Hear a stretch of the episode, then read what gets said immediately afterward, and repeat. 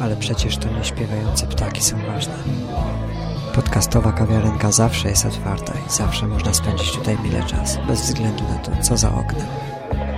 Sam przychodzę regularnie, to wiem. Zapraszam serdecznie do Papy Cafe. Mówił do Was Robert Kessling z próby mikrofonu.